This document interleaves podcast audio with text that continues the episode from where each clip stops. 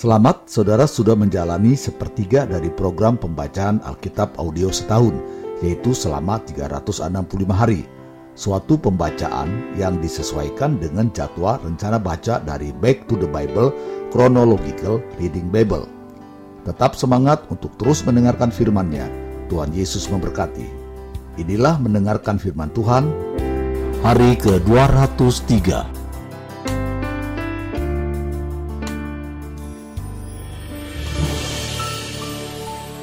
Pasal 28 sampai 35. Yerusalem tersesak dan terlepas. Yesaya pasal 28 ayat 1 sampai 6. Nubuat terhadap Samaria. Celaka atas mahkota kemegahan pemabuk-pemabuk Efraim, atas bunga yang sudah mulai layu di perhiasan kepala mereka yang indah-indah, yaitu kota yang terletak tinggi di atas bukit, di atas lembah yang subur yang penuh peminum anggur yang sudah pening. Sesungguhnya pada Tuhan ada seorang yang kuat dan tegap, seorang yang seperti angin ribut disertai hujan batu, yakni badai yang membinasakan, seorang yang seperti angin ribut disertai air hujan yang hebat menghanyutkan. Ia akan menghempaskan mereka ke tanah dengan kekerasan mahkota kemegahan pemabuk-pemabuk Efraim itu akan diinjak-injak dengan kaki. Dan bunga yang sudah mulai layu di perhiasan kepala mereka yang indah-indah itu, yaitu kota yang terletak tinggi di atas bukit, di atas lembah yang subur, nasibnya akan seperti nasi buah ara yang masak duluan sebelum musim kemarau. Baru saja dilihat orang, terus dipetik dan ditelan. Pada waktu itu, Tuhan semesta alam akan menjadi mahkota kepermaian dan perhiasan kepala yang indah-indah bagi sisa umatnya, akan menjadi roh keadilan bagi orang yang duduk mengadili, dan menjadi roh kepahlawanan bagi orang yang memukul mundur peperangan ke arah pintu gerbang. Ayat 7-22 Terhadap pemimpin-pemimpin Yerusalem tetapi orang-orang di sini pun pening karena anggur dan pusing karena arak. Baik imam maupun nabi pening karena arak, kacau oleh anggur. Mereka pusing oleh arak, pening pada waktu melihat penglihatan, goyang pada waktu memberi keputusan. Sungguh segala meja penuh dengan muntah, kotoran, sehingga tidak ada tempat yang bersih lagi. Dan orang berkata, kepada siapakah dia ini mau mengajarkan pengetahuannya? Dan kepada siapakah ia mau menjelaskan nubuat-nubuatnya? Seolah-olah kepada anak yang baru disapih dan yang baru cerai susu. Sebab harus ini, harus itu, mesti begini, mesti begitu, tambah ini, tambah itu Sungguh oleh orang-orang yang berlogat ganjil dan oleh orang-orang yang berbahasa asing akan berbicara kepada bangsa ini. Dia yang telah berfirman kepada mereka, Inilah tempat perhentian, berilah perhentian kepada orang yang lelah. Inilah tempat peristirahatan. Tetapi mereka tidak mau mendengarkan. Maka mereka akan mendengarkan firman Tuhan yang begini, harus ini, harus itu, mesti begini, mesti begitu, tambah ini, tambah itu, supaya dalam berjalan mereka jatuh terlentang, sehingga luka, tertangkap, dan tertawan. Sebab itu dengarlah firman Tuhan, hei orang-orang pencemooh, hei orang-orang yang memerintah rakyat yang ada di Yerusalem ini, karena kamu telah berkata, kami telah mengikat perjanjian dengan maut, dan dengan dunia maut kami telah mengadakan persetujuan. Biarpun cemeti berdesik-desik dengan kerasnya, kami tidak akan kena, sebab kami telah membuat bohong sebagai perlindungan kami, dan dalam dusta kami menyembunyikan diri. Sebab itu beginilah firman Tuhan Allah. Sesungguhnya aku meletakkan sebagai dasar di Sion sebuah batu, batu yang teruji, sebuah batu penjuru yang mahal, suatu dasar yang teguh. Siapa yang percaya tidak akan gelisah, dan aku akan membuat keadilan menjadi tali pengukur, dan kebenaran menjadi tali sifat. Hujan batu akan menyapu bersih perlindungan bohong, dan air lebat akan menghanyutkan persembunyian. Perjanjianmu dengan maut itu akan ditiadakan, dan persetujuanmu dengan dunia orang mati itu tidak akan tetap berlaku.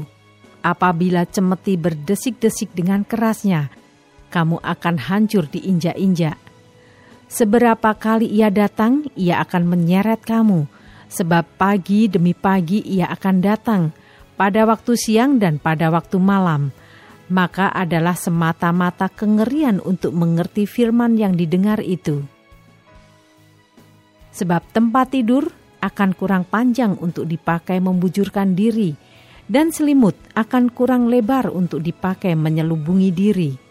Sebab Tuhan akan bangkit seperti di gunung Perasim, ia akan mengamuk seperti di lembah dekat Gibeon untuk melakukan perbuatannya, ganjil perbuatannya itu dan untuk mengerjakan pekerjaannya, ajaib pekerjaannya itu.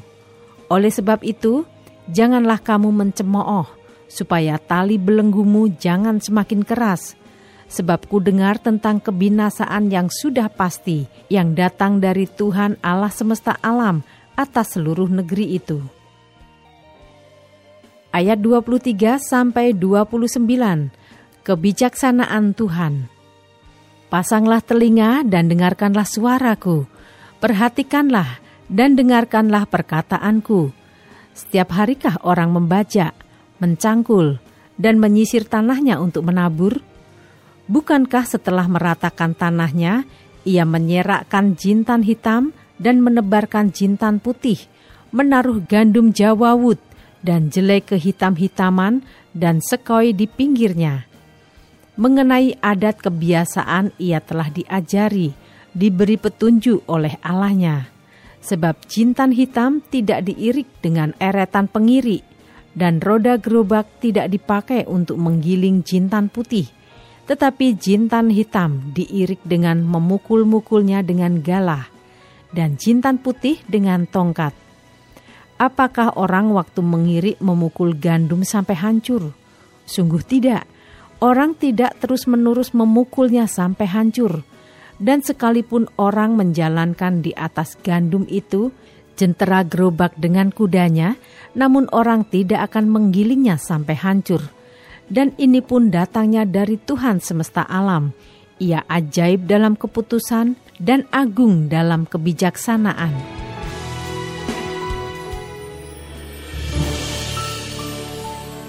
Yesaya pasal 29 ayat 1 sampai 8. Yerusalem terkepung tetapi diselamatkan. Celakalah Ariel, Ariel kota tempat Daud berkemah. Biarlah tahun demi tahun perayaan-perayaan silih berganti. Aku akan menyesakkan Ariel sehingga orang mengerang dan mengaduh, dan kota itu akan seperti perapian bagiku Aku akan berkemah di segala penjuru mengepung engkau, dan akan membuat tempat-tempat pengintaian untuk mengimpit engkau, dan akan mendirikan pagar-pagar pengepungan terhadap engkau. Maka engkau akan merendahkan diri, dan engkau bersuara dari dalam tanah.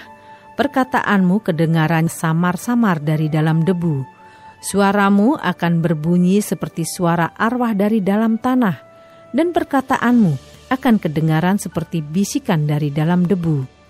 Akan tetapi, segala pasukan lawanmu akan hilang lenyap seperti abu halus, dan semua orang yang gagah sombong akan menjadi seperti sekam yang melintas terbang. Sebab dengan tiba-tiba, dalam sekejap mata, engkau akan melihat kedatangan Tuhan semesta alam dalam guntur, gempa dan suara hebat, dalam puting beliung dan badai dan dalam nyala api yang memakan habis. Maka segala pasukan bangsa-bangsa yang berperang melawan Ariel dan semua orang yang memerangi dia dan kubu pertahanannya dan orang-orang yang menyesakan dia akan seperti mimpi dan seperti penglihatan malam-malam. Seumpama seorang yang lapar bermimpi, ia sedang makan. Pada waktu terjaga, perutnya masih kosong atau seumpama seorang yang haus bermimpi ia sedang minum. Pada waktu terjaga, sesungguhnya ia masih lelah, kerongkongannya masih dahaga. Demikianlah halnya dengan segala pasukan bangsa-bangsa yang berperang melawan Gunung Sion. ayat 9 sampai 16 bangsa yang buta. Tercengang-cenganglah, penuh keheranan, biarlah matamu tertutup, buta semata-mata. Jadilah mabuk, tetapi bukan karena anggur. Jadilah pusing, tetapi bukan karena arak. Sebab Tuhan telah membuat kamu tidur nyenyak. Matamu, yakni para nabi, telah dipejamkannya dan mukamu, yaitu para pelihat, telah ditudunginya. Maka bagimu penglihatan dari semuanya itu seperti isi sebuah kitab yang termeterai, apabila itu diberikan kepada orang yang tahu membaca dengan mengatakan, Baiklah baca ini, maka ia akan menjawab, Aku tidak dapat, sebab kitab itu termeterai. Dan apabila kitab itu diberikan kepada seorang yang tidak dapat membaca dengan mengatakan, "Baiklah, baca ini," maka ia akan menjawab, "Aku tidak dapat membaca." Dan Tuhan telah berfirman, "Oleh karena bangsa ini datang mendekat dengan mulutnya dan memuliakan Aku dengan bibirnya, padahal hatinya menjauh daripadaku, dan ibadahnya kepadaku hanyalah perintah manusia yang dihafalkan." maka sebab itu sesungguhnya aku akan melakukan pula hal-hal yang ajaib kepada bangsa ini, keajaiban yang menakjubkan, hikmat orang-orangnya yang berhikmat akan hilang, dan kearifan orang-orangnya yang arif akan bersembunyi. Celakalah orang yang menyembunyikan dalam-dalam rancangannya terhadap Tuhan, yang pekerjaan-pekerjaannya terjadi dalam gelap sambil berkata, Siapakah yang melihat kita dan siapakah yang mengenal kita? Betapa kamu memutar balikkan segala sesuatu. Apakah tanah liat dapat dianggap sama seperti tukang periuk, sehingga apa yang dibuat dapat berkata tentang yang membuatnya? Bukan dia yang membuat aku, dan apa yang dibentuk berkata tentang yang membentuknya. Ia tidak tahu apa-apa. Ayat 17 sampai 24 keselamatan sesudah penindasan. Bukankah hanya sedikit waktu lagi Libanon akan berubah menjadi kebun buah-buahan, dan kebun buah-buahan itu akan dianggap hutan? Pada waktu itu, orang-orang tuli akan mendengar perkataan-perkataan sebuah kitab, dan lepas dari kekelaman dan kegelapan mata orang-orang buta akan melihat. Orang-orang yang sengsara akan bertambah bersukaria di dalam Tuhan, dan orang-orang miskin di antara manusia akan bersorak-sorak di dalam Yang Maha Kudus, Allah Israel. Sebab orang yang gagah sombong akan berakhir, dan orang pencemooh akan habis, dan semua orang yang berniat jahat akan dilenyapkan, yaitu mereka yang begitu saja menyatakan seseorang berdosa di dalam suatu perkara, dan yang memasang jerat terhadap orang yang menegur mereka di pintu gerbang dan yang mendesak orang benar dengan alasan yang tidak-tidak. Sebab itu, beginilah firman Tuhan, Allah kaum keturunan Yakub, Dia yang telah membebaskan Abraham.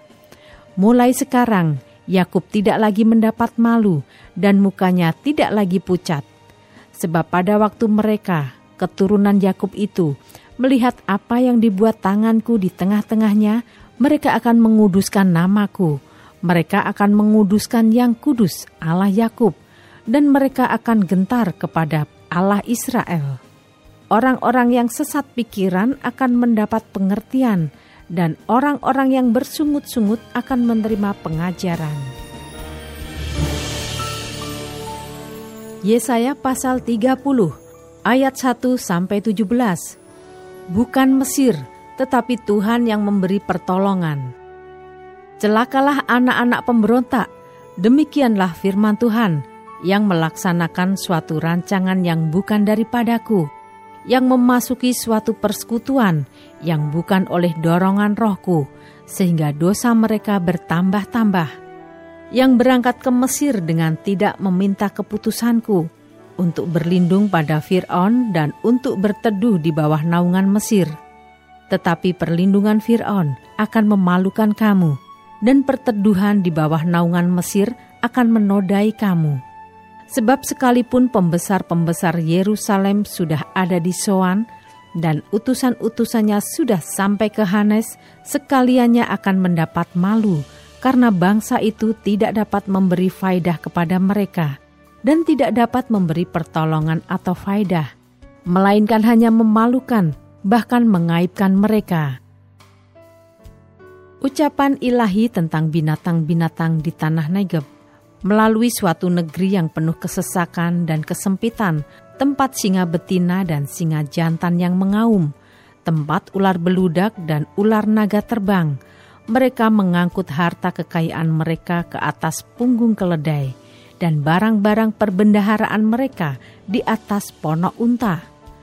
Kepada suatu bangsa yang tidak dapat memberi faidah, yakni Mesir, yang memberi pertolongan yang tak berguna dan percuma. Sebab itu aku menamainya begini, Rahab yang dibuat menganggur. Maka sekarang pergilah, tulislah itu di depan mata mereka di suatu loh, dan cantumkanlah di suatu kitab, supaya itu menjadi kesaksian untuk waktu yang kemudian sampai selama-lamanya.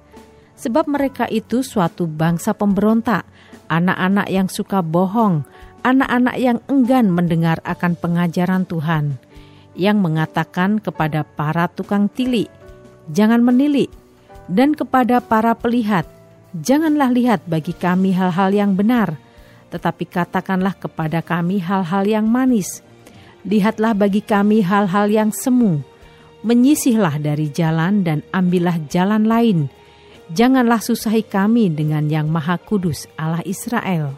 Sebab itu, beginilah firman yang Maha Kudus Allah Israel: oleh karena kamu menolak firman ini dan mempercayakan diri kepada orang-orang pemeras dan yang berlaku serong dan bersandar kepadanya, maka sebab itu bagimu dosa ini akan seperti pecahan tembok yang mau jatuh, tersembul keluar pada tembok yang tinggi, yang kehancurannya datang dengan tiba-tiba dalam sekejap mata seperti kehancuran tempayan tukang periuk yang diremukkan dengan tidak kenal sayang, sehingga di antara remukannya tiada terdapat satu keping pun yang dapat dipakai untuk mengambil api dari dalam tungku atau mencedok air dari dalam bak.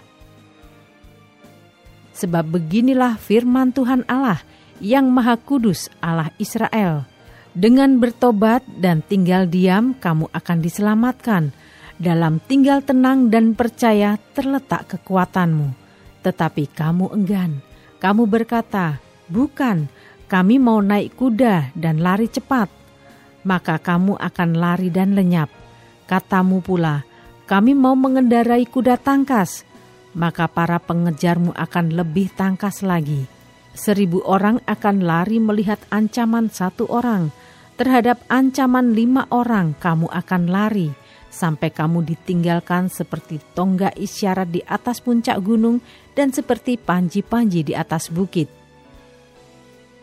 Ayat 18 sampai 26 janji keselamatan bagi Sion.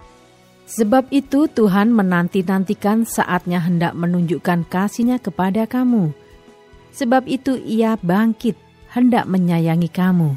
Sebab Tuhan adalah Allah yang adil, Berbahagialah semua orang yang menanti-nantikan dia.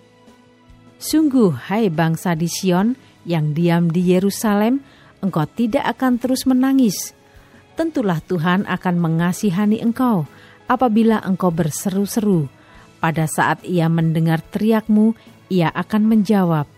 Dan walaupun Tuhan memberi kamu roti dan air serba sedikit, namun pengajarmu tidak akan menyembunyikan diri lagi tetapi matamu akan terus melihat dia, dan telingamu akan mendengar perkataan ini dari belakangmu. Inilah jalan, berjalanlah mengikutinya. Entah kamu menganan atau mengiri, engkau akan menganggap najis patung-patungmu yang disalut dengan perak atau yang dilapis dengan emas. Engkau akan membuangnya seperti kain cemar sambil berkata kepadanya, "Keluar!" Lalu Tuhan akan memberi hujan bagi benih yang baru kamu taburkan di ladangmu, dan dari hasil tanah itu kamu akan makan roti yang lezat dan berlimpah-limpah. Pada waktu itu ternakmu akan makan rumput di padang rumput yang luas. Sapi-sapi dan keledai-keledai yang mengerjakan tanah akan memakan makanan campuran yang sedap yang sudah ditampi dan diayak. Dari setiap gunung yang tinggi dan dari setiap bukit yang menjulang akan memancar sungai-sungai pada hari pembunuhan yang besar, apabila menara-menara runtuh maka terang bulan purnama akan seperti terang matahari terik, dan terang matahari terik akan tujuh kali ganda, yaitu seperti terangnya tujuh hari pada waktu Tuhan membalut luka umatnya dan menyembuhkan bekas pukulan. Ayat 27 sampai 33. Hukuman Allah atas Asyur. Tuhan datang menyatakan dirinya dari tempatnya yang jauh murkanya menyala-nyala. Ia datang dalam awan gelap yang bergumpal-gumpal. Bibirnya penuh dengan amarah, dan lidahnya seperti api yang memakan habis. Hembusan nafasnya seperti sungai yang menghanyutkan, yang airnya sampai ke leher. Ia datang untuk mengayak bangsa-bangsa dengan ayak kebinasaan dan untuk memasang suatu kekang yang menyesatkan di mulut suku-suku bangsa kamu akan menyanyikan suatu nyanyian seperti pada waktu malam ketika orang menguduskan diri untuk perayaan, dan kamu akan bersuka hati seperti pada waktu orang berjalan diiringi suling hendak naik ke gunung Tuhan, ke gunung batu Israel. Dan Tuhan akan memperdengarkan suaranya yang mulia, akan memperlihatkan tangannya yang turun menimpa dengan murka yang hebat, dan nyala api yang memakan habis dengan hujan lebat, angin ribut, dan hujan batu. Sebab Asyur akan terkejut oleh suara Tuhan, suara Tuhan, pada waktu ia memukul mereka dengan gada. Sebab setiap pukulan dengan tongkat penghajar yang ditimpakan Tuhan ke atasnya akan diiringi rebana dan kecapi, dan ia akan berperang melawan Asyur dengan tangan yang diayunkan untuk peperangan. Sebab dari dahulu sudah diatur tempat pembakaran, Bukankah itu untuk raja dasarnya dibuat dalam dan lapang, pancakannya penuh api dan kayu. Nafas Tuhan menghanguskannya seperti sungai belerang. Tetap semangat, teruskanlah mendengarkan firman Tuhan. Sampai jumpa esok hari.